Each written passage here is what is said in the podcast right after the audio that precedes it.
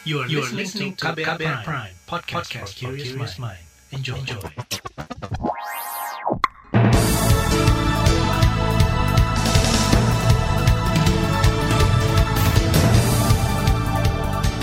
Halo selamat pagi Indonesia, selamat pagi saudara Senang sekali kami kembali bisa menjumpai Anda pagi hari ini Melalui program Buletin Pagi Edisi hari ini Selasa 12 Januari 2021 Bersama saya Reski Mesanto Pagi hari ini sejumlah informasi telah kami siapkan untuk Anda Di antaranya Badan POM terbitkan izin penggunaan darurat vaksin buatan Sinovac Kotak hitam pesawat Sriwijaya Air belum ditemukan dan puluhan korban longsor Sumedang belum ditemukan.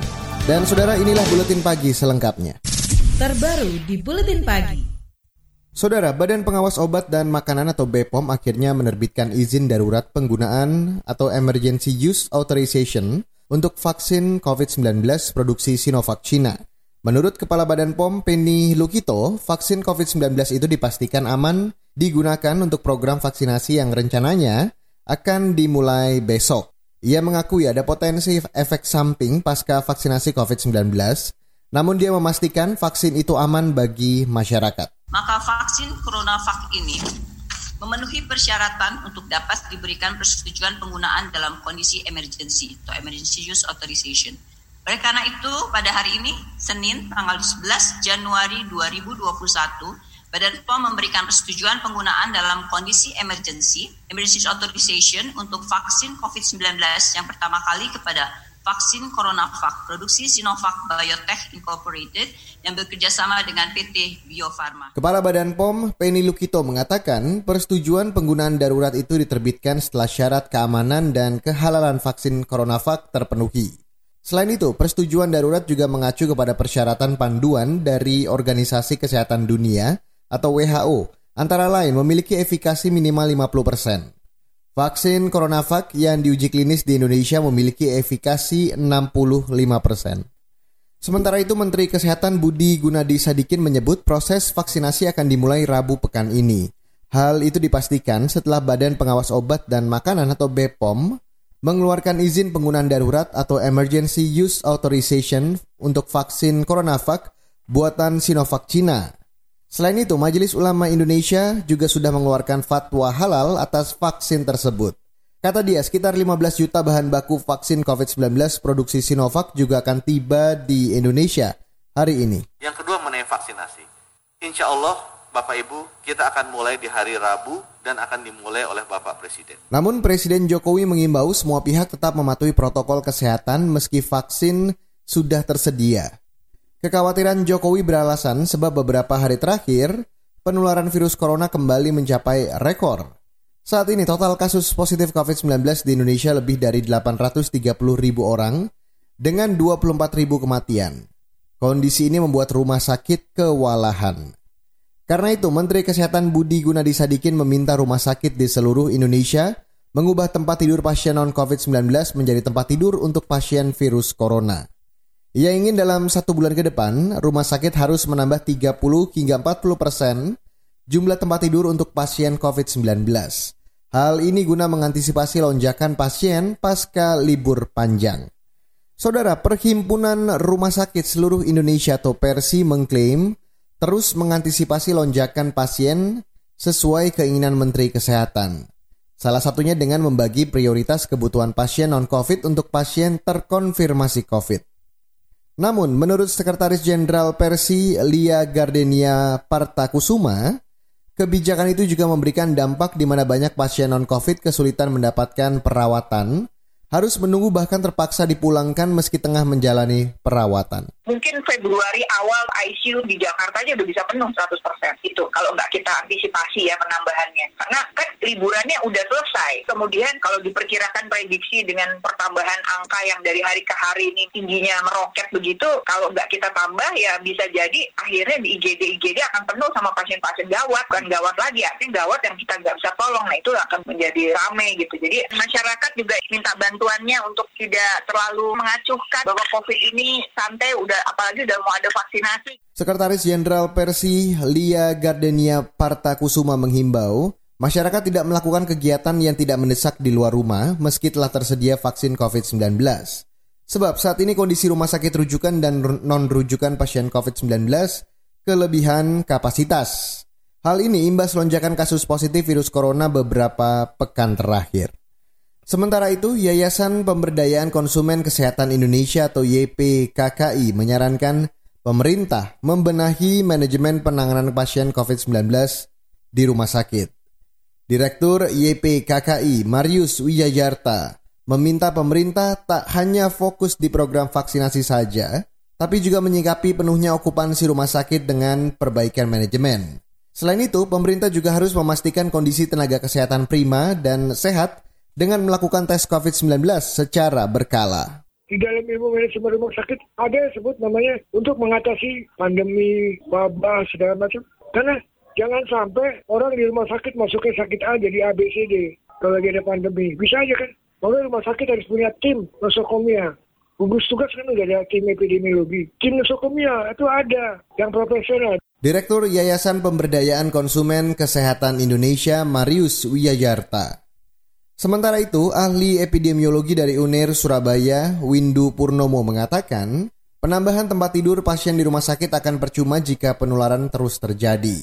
Kata dia, vaksin bukanlah solusi tunggal penanganan pandemi. Pemerintah juga diminta mengontrol kepatuhan masyarakat dalam menjalankan protokol kesehatan, termasuk membatasi mobilitas dan interaksi penduduk untuk mencegah penularan. Saudara, kotak hitam pesawat Sriwijaya belum ditemukan. Informasi selengkapnya akan kami hadirkan sesaat lagi. Tetaplah di Buletin Pagi KBR. You're listening to KBR Pride, podcast for curious mind. Enjoy!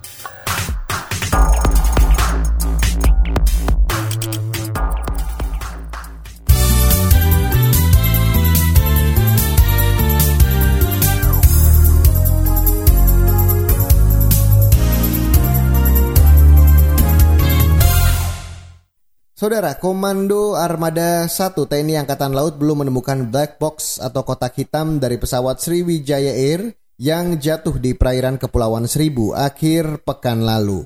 Pada minggu kemarin, tim penyelam menemukan sinyal yang diduga berasal dari black box pesawat naas tujuan Pontianak itu. Menurut Panglima Komando Armada 1 Abdul Rashid, Detasemen Jala Mangkara berhasil mengumpulkan empat kantong berisi bagian pesawat, benda yang diduga milik korban dan bagian tubuh korban Sriwijaya Air. Penyelam terakhir yang naik tadi sempat membawa serpihan pesawat yang ditemukan ini penyelam terakhir. Sengaja jam 17.00 saya sudah untuk penyelaman sementara saya hentikan. Nah, akan dilanjut besok pagi jam 7. Besok pagi penyelam sudah masuk ke air lagi. Ya, saya pastikan jam 7 besok untuk melaksanakan pencarian titik-titik yang diduga black box yang ada di sana. Abdul mengatakan pencarian kotak hitam pesawat hari ini akan dipersempit dengan jangkauan area segitiga dari titik sinyal yang ditangkap KRI Regal. Menurutnya, kesulitan pencarian itu dialami lantaran kotak hitam tersebut diduga tertimpa puing-puing pesawat, sehingga sulit dijangkau. Selain itu, pengaruh cuaca dan ombak besar juga cukup menjadi penghalang para penyelam mencapai titik signal tersebut. Sementara itu, saudara tim identifikasi korban bencana atau DVI menerima 17 kantung jenazah yang diduga korban jatuhnya pesawat Sriwijaya Air SJ182. Belasan kantong jenazah itu diserahkan oleh Basarnas ke Rumah Sakit Polri Kramat Jati, Jakarta Timur. Juru bicara Mabes Polri, Rusdi Hartono mengatakan, belasan kantong jenazah itu masih dalam proses identifikasi. Sampai jam 17 ini, tim DVI telah menerima sampel DNA dari keluarga korban, itu sebanyak 53 sampel DNA. Kemudian sampai sore ini juga kita telah menerima 17 kantong jenazah. Juru bicara Mabes Polri Rusdi Hartono menjelaskan tim DVI yang melakukan proses identifikasi berisi orang-orang profesional dan berpengalaman. Ia memastikan hasil identifikasi tim DVI bisa dipertanggungjawabkan. Sebelumnya, satu jenazah berhasil diidentifikasi. Jenazah itu bernama Oki Bisma yang diketahui merupakan kru pesawat. Akhir pekan lalu, pesawat Sriwijaya Air dengan nomor penerbangan SJ182 jatuh di perairan Kepulauan Seribu, Jakarta. Pesawat rute Jakarta Pontianak itu membawa 62 penumpang dan 12 di antaranya merupakan kru pesawat. Kita beralih ke informasi lain. Saudara Menteri Sosial Tri Risma hari ini akan menindaklanjuti temuan Komisi Pemberantasan Korupsi atau KPK terkait kerawanan korupsi pada program paket bantuan sosial COVID-19. Bekas wali kota Surabaya itu juga menyurati institusi penegak hukum lain. Saya sudah perintahkan untuk menindaklanjuti apa-apa yang uh, menjadi temuan dari KPK uh, untuk uh, pencegahan uh, dan ini sudah kita lakukan terus. Uh, ke depan uh, saya terus terang sudah berkirim surat ke KPK, kemudian ke Kejaksaan Agung dan ke Mabes Polri. Itu tadi Menteri Sosial Tri Risma hari ini. Sementara juru bicara KPK, Ipi Mariati menjelaskan KPK menemukan sejumlah persoalan terkait bansos, seperti kualitas, jumlah bantuan yang tidak sesuai dan masyarakat yang mengeluhkan tidak menerima bantuan. KPK berharap Kemensos membuat perbaikan skema penyelenggaraan bansos untuk meningkatkan efektivitas penyaluran serta menutup potensi korupsi. Saudara, tim khusus Mabes Polri berjanji akan secepatnya merilis hasil kajian atas temuan Komnas HAM terkait penembakan empat anggota Front Pembela Islam atau FPI. Komnas HAM sebelumnya menyimpulkan bahwa penembakan empat anggota FPI oleh polisi merupakan pelanggaran HAM. Juru bicara Mabes Polri, Ahmad Ramadan mengatakan, Tim khusus yang dibentuk Kapolri dan Mazis itu terdiri dari Bareskrim, Divisi Propam, dan Divisi Hukum Polri. Tim khusus nantinya akan bekerja dan ditargetkan secepatnya agar memberikan hasil laporan agar kasus ini dapat dituntaskan. Karena hal ini tentunya sudah menjadi konsumsi publik. Juru bicara Mabes Polri Ahmad Ramadan mengklaim kepolisian berkomitmen menindaklanjuti temuan penyelidikan dari Komnas HAM. Kata dia, komitmen Polri telah ditunjukkan sedari awal dengan memberikan akses terhadap Komnas HAM atas pengusutan insiden ini. Komnas HAM merekomendasikan kasus ini harus ditindaklanjuti ke penegak hukum dengan mekanisme pengadilan pidana. Mekanisme itu perlu dilakukan guna mendapatkan kebenaran material lebih lengkap dan menegakkan keadilan. Saudara Menteri Perdagangan Muhammad Lutfi memperkirakan kenaikan harga tahu dan tempe masih akan terjadi beberapa bulan ke depan. Menurutnya hal itu dikarenakan harga kedelai masih akan melonjak.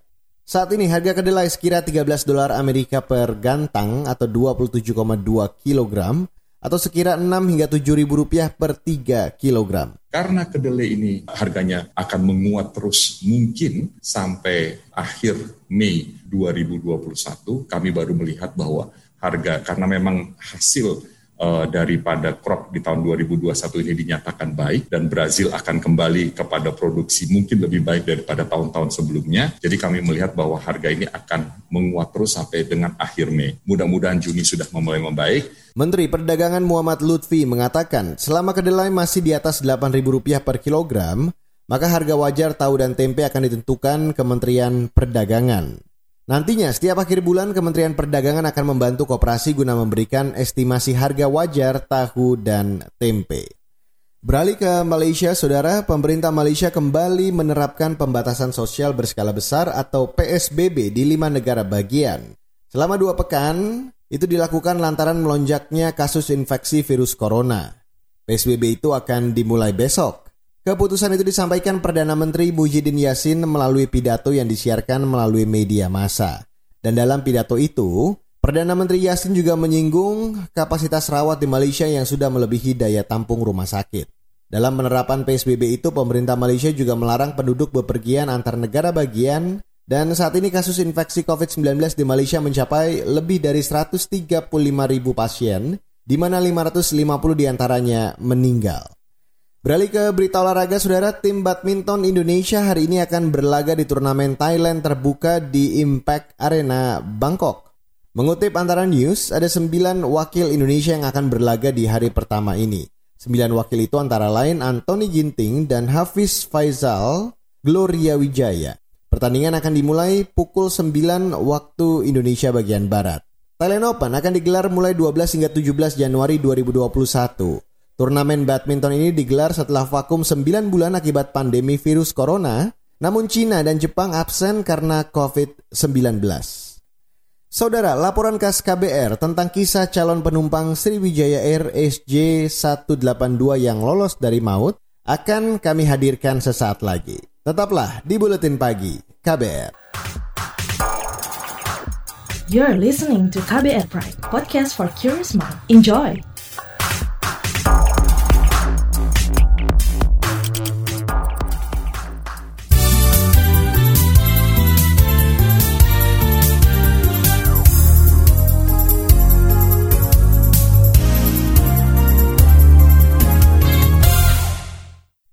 Saudara, insiden jatuhnya pesawat Sriwijaya Air SJ182 menjadi kado pahit di awal tahun. Pesawat rute Jakarta Pontianak tersebut jatuh di perairan Kepulauan Seribu, Sabtu lalu. Sebanyak 62 orang berada di dalamnya termasuk anak-anak dan bayi. Di balik tragedi itu ada kisah calon penumpang yang batal terbang sehingga lolos dari maut. Simak laporan yang akan dibacakan oleh Valda Kustarini tanggal 9 ada kawan saya ngirim berita ada kecelakaan nah, pesawat yang akan kita tumpang. Ya, kita terkejut dan langsung kaget ya. Ada saja cara Allah untuk membuat kita tidak jadi berangkat. Tak putus-putus rasa syukur dipanjatkan Asri Zalnur karena terhindar dari maut. Asnur Demikian ia akrab disapa, nyaris menjadi penumpang pesawat Sriwijaya Air SJ182 yang jatuh di perairan Kepulauan Seribu Sabtu 9 Januari lalu. Penyair asal Depok, Jawa Barat ini bersama istri dan kedua anaknya hendak ke Pontianak untuk menjenguk putri sulungnya. Jadi kami sudah ada rencana lama mau ke Pontianak ketemu anak saya di sana dia kuliah sana. Udah berapa dua tahun nggak ketemu.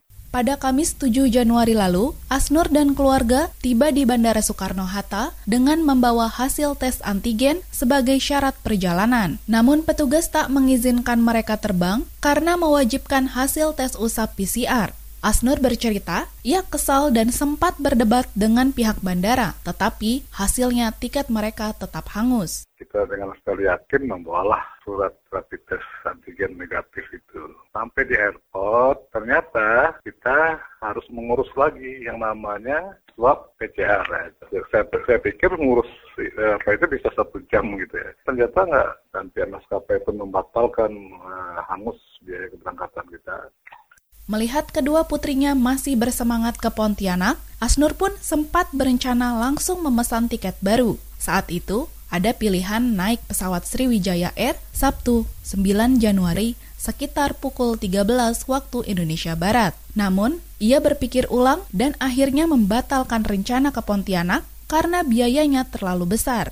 Kalau seandainya kita urus itu satu orang itu 800 ribu kali 4 3 juta 200 terus penginapan kita dua malam di sini kalau seandainya benar-benar itu keluar dan kita negatif ah, aman kita tapi bagaimana kalau positif atau ada masalah kita bisa batal lagi berangkat saya bilang kan jadi kesimpulannya udahlah udah kita batalin aja Asnur dan keluarga hingga kini masih terguncang dengan insiden kecelakaan pesawat yang nyaris mereka tumpangi. Mereka memilih menunda rencana ke Pontianak hingga suasana lebih tenang. Ada trauma juga mungkin dengan waktu yang lama kali ya. Kita biarkan dulu keadaan nyaman dan normal ya. Agak dosok juga nih kan. Mungkin agak tenangkan dulu uh, suasana hati dan keadaan. Di sisi lain, tragedi pesawat Sriwijaya Air SJ182 mengguratkan nestapa bagi keluarga korban. Sebanyak 62 orang berada di dalam pesawat, termasuk tujuh anak dan tiga bayi. Di antara mereka, ada dua warga Katelan, Sragen, Jawa Tengah, bernama Suyanto dan Rianto. Hal itu dikonfirmasi oleh perangkat desa setempat, Paidi. Korbannya di sini ada dua orang, Suyanto, yang kedua bernama Rianto. Kepontianak itu adalah dalam rangka untuk mengerjakan memborong pasang pintu rolling door. Jadi Suyanto itu adalah pemborong dan adiknya itu adalah yang membantu. Begitu berita kecelakaan muncul, keluarga korban langsung menemui Paidi. Menurutnya, mereka sangat terguncang mengetahui Suyanto dan Rianto turut menjadi korban. Sejak hari Minggu kemarin, pihak keluarga sudah berada di Jakarta. Keluarga datang ke rumah, lalu memberitahukan masalah update status WA-nya yang berisikan tiket itu tadi. Habis itu sama-sama kita melihat televisi, baik itu keluarganya Suyanto maupun keluarganya Rianto, itu semuanya adalah dengan kondisi shock Kecelakaan tragis ini ibarat menjadi kado pahit di awal tahun 2021. Presiden Joko Widodo menyampaikan keprihatinan dan bela sungkawa kepada keluarga korban. Kepala negara memerintahkan otoritas terkait untuk fokus mencari korban.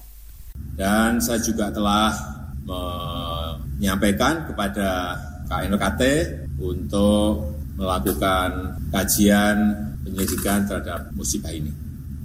Sementara itu, Menteri Sosial Tri Risma hari ini menjanjikan berbagai bantuan bagi keluarga korban. Kata dia, Kemensos sudah mendatangi satu persatu keluarga korban dan memberikan pendampingan trauma healing. Risma juga siap membantu mereka mendapatkan santunan dan asuransi. Kementerian Sosial untuk komunikasi dengan Pemda, dengan keluarga, dan juga jasa raja. Karena setahu saya, asuransinya itu juga ada dari dari Boeing. Jadi itu yang harus kita siapkan. Demikian laporan tim KBR, saya Valda Kustarini. Saudara, informasi dari daerah akan kami hadirkan sesaat lagi. Tetaplah bersama kami di Buletin Pagi KBR. Commercial break. Psikolog Tiffany Chandra menjelaskan ciri-ciri orang tua toksik karena ini kan toksik dan tidak toksik agak susah ya yeah. bagi kita untuk membedakan terutama di budaya kita yang nggak boleh tuh kayak melawan orang tua. Memang kita yeah. tuh iya. dari kecil dibiasakan orang tua soal benar. Memang kita udah terima itu sebagai suatu fakta. Betul, nah sulitnya bagi kita membedakan itu sehingga kebanyakan yang punya orang tua toksik tapi nggak sadar bahwa secara emosional mereka sudah di abuse karena mereka taunya memang yang namanya orang tua ya kayak gitu selalu benar. Yang salah pasti anaknya. Itu yang dikhawatirkan nanti nanti pasti pembelaannya ya kalau mama atau papa nggak sayang sama kamu nggak mungkin lah kamu disekolahin nggak mungkin lah dibeliin macem-macem gitu. Hmm. padahal mungkin secara emosional mereka memang mendapatkan abuse. Simak lengkapnya dalam podcast Disco Diskusi Psikologi episode menghadapi orang tua yang toksik di kbrprime.id atau platform mendengarkan podcast lainnya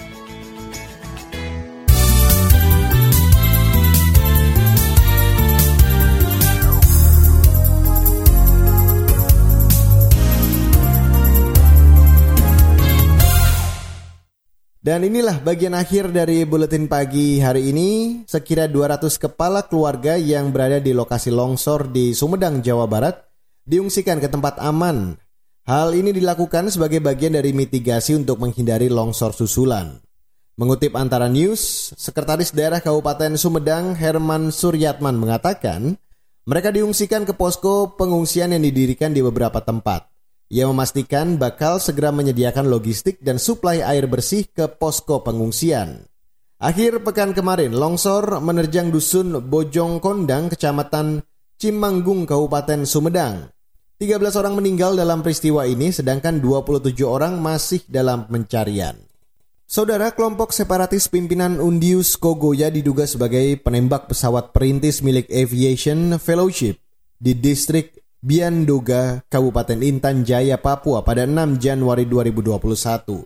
Kapolda Papua Paulus Waterpau mengklaim hal itu berdasarkan identifikasi dari pilot pesawat asal Amerika Alex Leverchek. Saya pribadi sangat sesalkan ini. Kita sudah mengidentifikasi pelakunya. Benar kelompok dari kriminal bersenjata yang ada di wilayah Intan Jaya. Bagaimana keterangan beliau juga ketika mengambil keterangannya di Nabire oleh Kapolres Nabire. Dia menyatakan bahwa ketika berada di pesawat itu tiba-tiba dari semak-semak keluar kurang lebih 10 orang yang kemudian sudah bersenjata dan menodong yang bersangkutan. Kapolda Papua Paulus Waterpau mengatakan wajah pelaku memegang senjata di atas puing pesawat yang terbakar juga terlihat jelas di foto-foto yang beredar di pemberitaan media dan media sosial. Hingga kini aparat keamanan masih mengejar para terduga pelaku. Dari Jawa Barat, saudara, pemerintah Jawa Barat menjatuhkan sanksi penutupan operasional kepada pengelola wahana permainan air Waterboom di Cikarang, Kabupaten Bekasi. Gubernur Jawa Barat Ridwan Kamil beralasan Waterboom Cikarang melanggar protokol kesehatan dengan menerima iring-iringan pengunjung hingga berjubel. Nah, mudah-mudahan ketegasan dari uh, Forkopimda dan juga Komite Penanganan COVID menjadi pelajaran kepada pemilik-pemilik usaha agar menaati. Kita tidak nyaman dengan keputusan membatasi karena pasti mengurangi rezeki ya. Tapi dalam situasi darurat kesehatan ini harus dipermaklumkan karena semua juga melakukan. Gubernur Jawa Barat Ridwan Kamil meminta pengelola wisata lain menaati protokol kesehatan dan membatasi kapasitas pengunjung. Ridwan bakal mengerahkan tim pemantau yang dibantu anggota Polri untuk mengawasi pergerakan masyarakat di lokasi-lokasi tertentu selama pemberlakuan pembatasan kegiatan. Dan saudara, informasi tadi menutup buletin pagi hari ini 12 Januari 2020. Jangan lupa untuk selalu mengupdate informasi terbaru setiap jamnya di kabar baru, situs kbr.id, Twitter kami di account at berita KBR, serta podcast di kbrprime.id.